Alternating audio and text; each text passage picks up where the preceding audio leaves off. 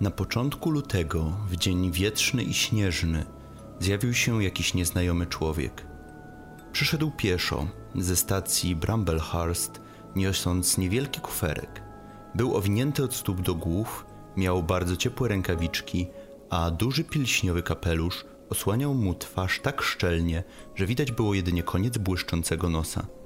Śnieg osiadł grubą warstwą na jego ramionach i piersiach, osłaniając białym pokrowcem także i kuferek. Niewidzialny człowiek to jeden z pięciu najbardziej rozpoznawalnych i najbardziej rozpowszechnionych potworów Uniwersalu. Obok Drakuli, potwora Frankensteina, mumii czy wilkołaka zyskał sobie bardzo dużą sławę w latach 30. i 40. I dzisiaj przyjrzymy się właśnie temu konceptowi, właśnie niewidzialnego człowieka.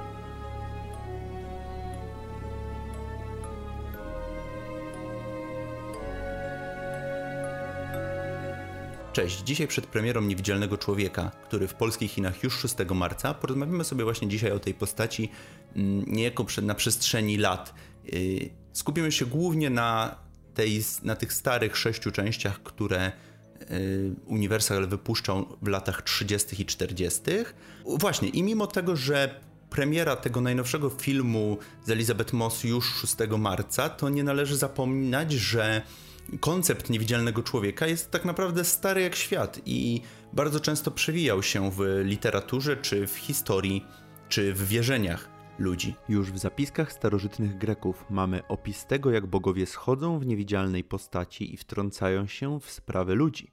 Płaszcz niewidzialności to jeden z trzynastu skarbów, po które król Artur popłynął do celtyckich zaświatów – Motyw ze stawaniem się niewidzialnym znajdziemy również w baśniach braci Grimm, mianowicie w baśni o królu na Złotej Górze. I tutaj dochodzimy do Herberta George'a Wellsa, który gdzieś pomiędzy napisaniem Wehikułu Czasu a Wojny Światów znalazł chwilę na napisanie bardzo prostej historii, bardzo kameralnej historii o człowieku, który wynalazł serum niewidzialności. Historia skupia się na postaci Gryfina, naukowca, który wynalazł serum niewidzialności. Gryfin przybywa podczas zamieci śnieżnej do małej wiejskiej knajpki, gdzie wynajmuje pokój, w którym chce dokończyć swoje badania. Bo widzicie, problem Gryfina jest taki, że nie potrafi odnaleźć formuły na to, jak stać się widzialnym z powrotem. Kiedy gospodarze odkrywają, że jest on niewidzialny, ten ucieka i zaczyna terroryzować całą wioskę. No i zostaje postrzelony, chowa się w domu swojego nauczyciela, który go później zdradza, kradnie jego notatki i chce powtórzyć eksperyment. Książka ta różniła się od wcześniej wspomnianych, ponieważ potwór w niewidzialnym człowieku był bardzo ludzki, był po prostu człowiekiem.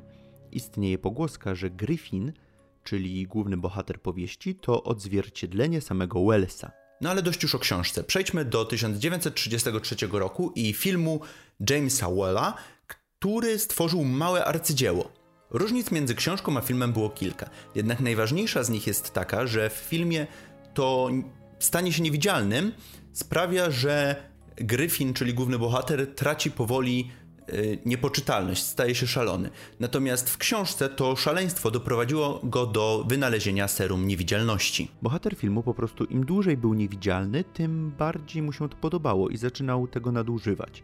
Od nic niegroźnych rzeczy, takich jak na przykład kradzież roweru czy kapelusza, po sianie prawdziwego zniszczenia i nawet morderstwa.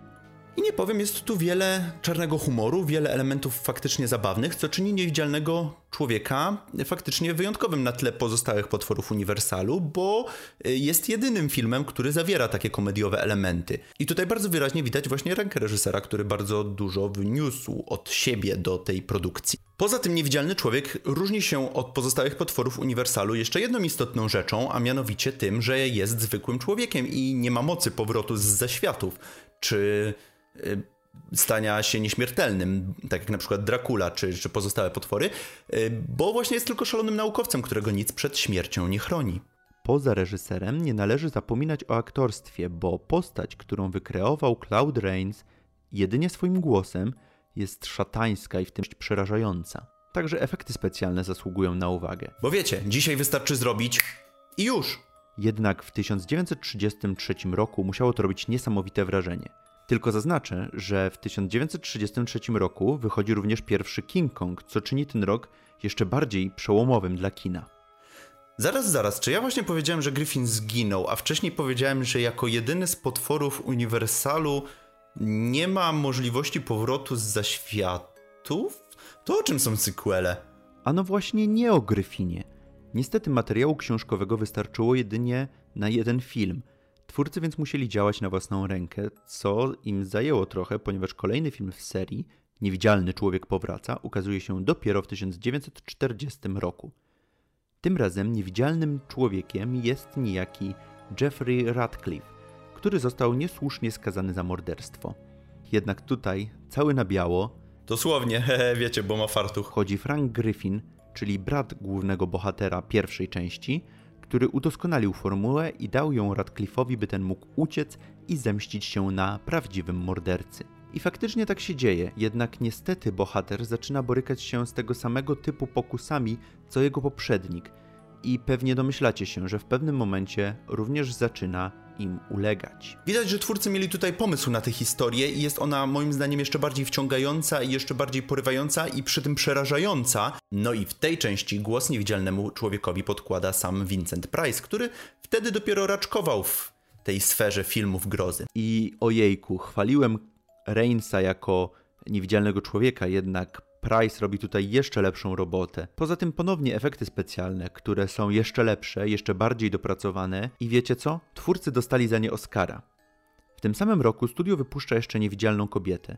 Film, który był dla odmiany komedią i nie ma żadnego powiązania z innymi filmami z serii. Mamy innego wynalazcę formuły, a nasza bohaterka jest jedynie eksperymentem, na skutek którego dostaje oczywiście niewidzialność i staje się trochę niezdarna. Wiecie, ten film jest tak bardzo wytworem swoich czasów i tego, jakie wtedy było podejście do kobiet, że tak naprawdę nie ma się co tutaj rozwodzić nad nim. Jest zupełnie utrzymany w innym tonie, takim dość prześmiewczym i tak naprawdę nikt go nie uważa teraz za część serii. Następny w kolejce jest niewidzialny agent z 1942 roku, który skręcił w kierunku thrillera szpiegowskiego, w którym to naziści starają się wykraść formułę niewidzialności. Jest to dość ciekawe podejście, pokazujące już nie tylko wygłupy czy zastraszanie mieszkańców pojedynczej wioski, ale faktyczne i realne zagrożenie dla świata, jakie mogłoby nieść ze sobą wynalezienie takiej formuły. Pozostajemy przy rodzinie Griffinów, bo tutaj bohaterem jest Frank Griffin Jr.,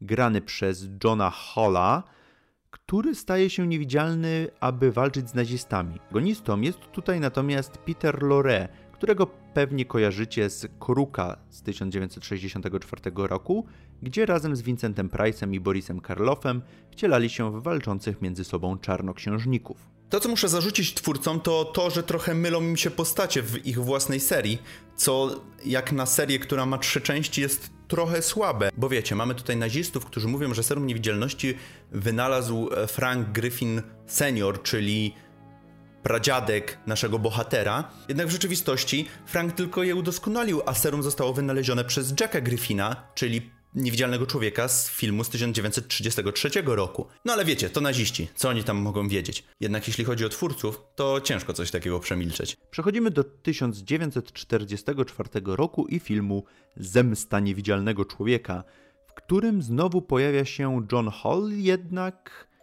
w dużo mniej heroicznej roli, bo nie gra tutaj już Franka Griffina Jr., ale jakiegoś tam gościa o nazwisku Griffin, który dodatkowo jest psychopatą, a któremu pewien naukowiec pomaga stać się niewidzialnym.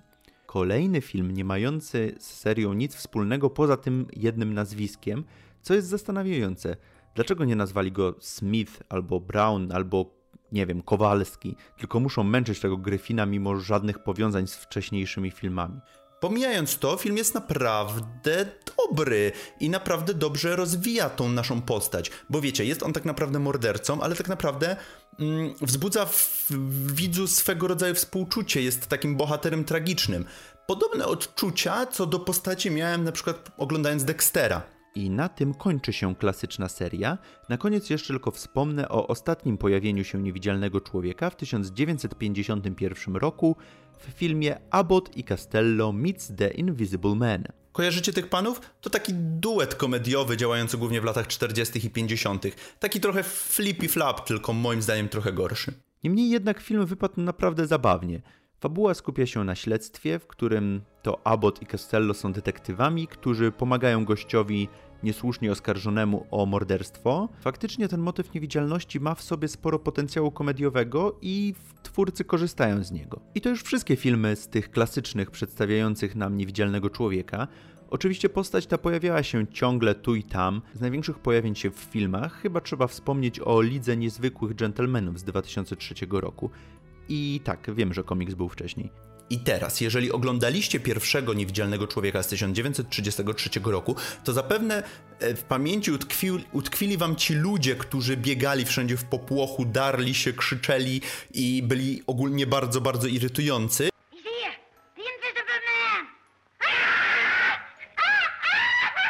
Przynajmniej ja czekałem tylko, kiedy Griffin da im nauczkę, żeby już przestali, po prostu zniknęli z ekranu i przestali drzeć się. Jednak w tym nowym filmie będziemy mieli właśnie odwrócenie stron i to właśnie ofiara będzie naszym głównym bohaterem, co jest bardzo ciekawe i odświeżające. Dlatego właśnie niezmiernie czekam na ten film i mam nadzieję, że twórcy znaleźli tutaj sposób, jak adaptować te klasyczne potwory Uniwersalu i w końcu dostaniemy coś na kształt swojego Dark Universe. Coś, co tak naprawdę należy się tym postaciom, bo nie ukrywając, w kwestii łączonych uniwersów, to oni byli pierwsi. Także ja melduję się w kinie 6 marca i wam radzę to samo, bo czeka nas z pewnością kawał dobrego kina.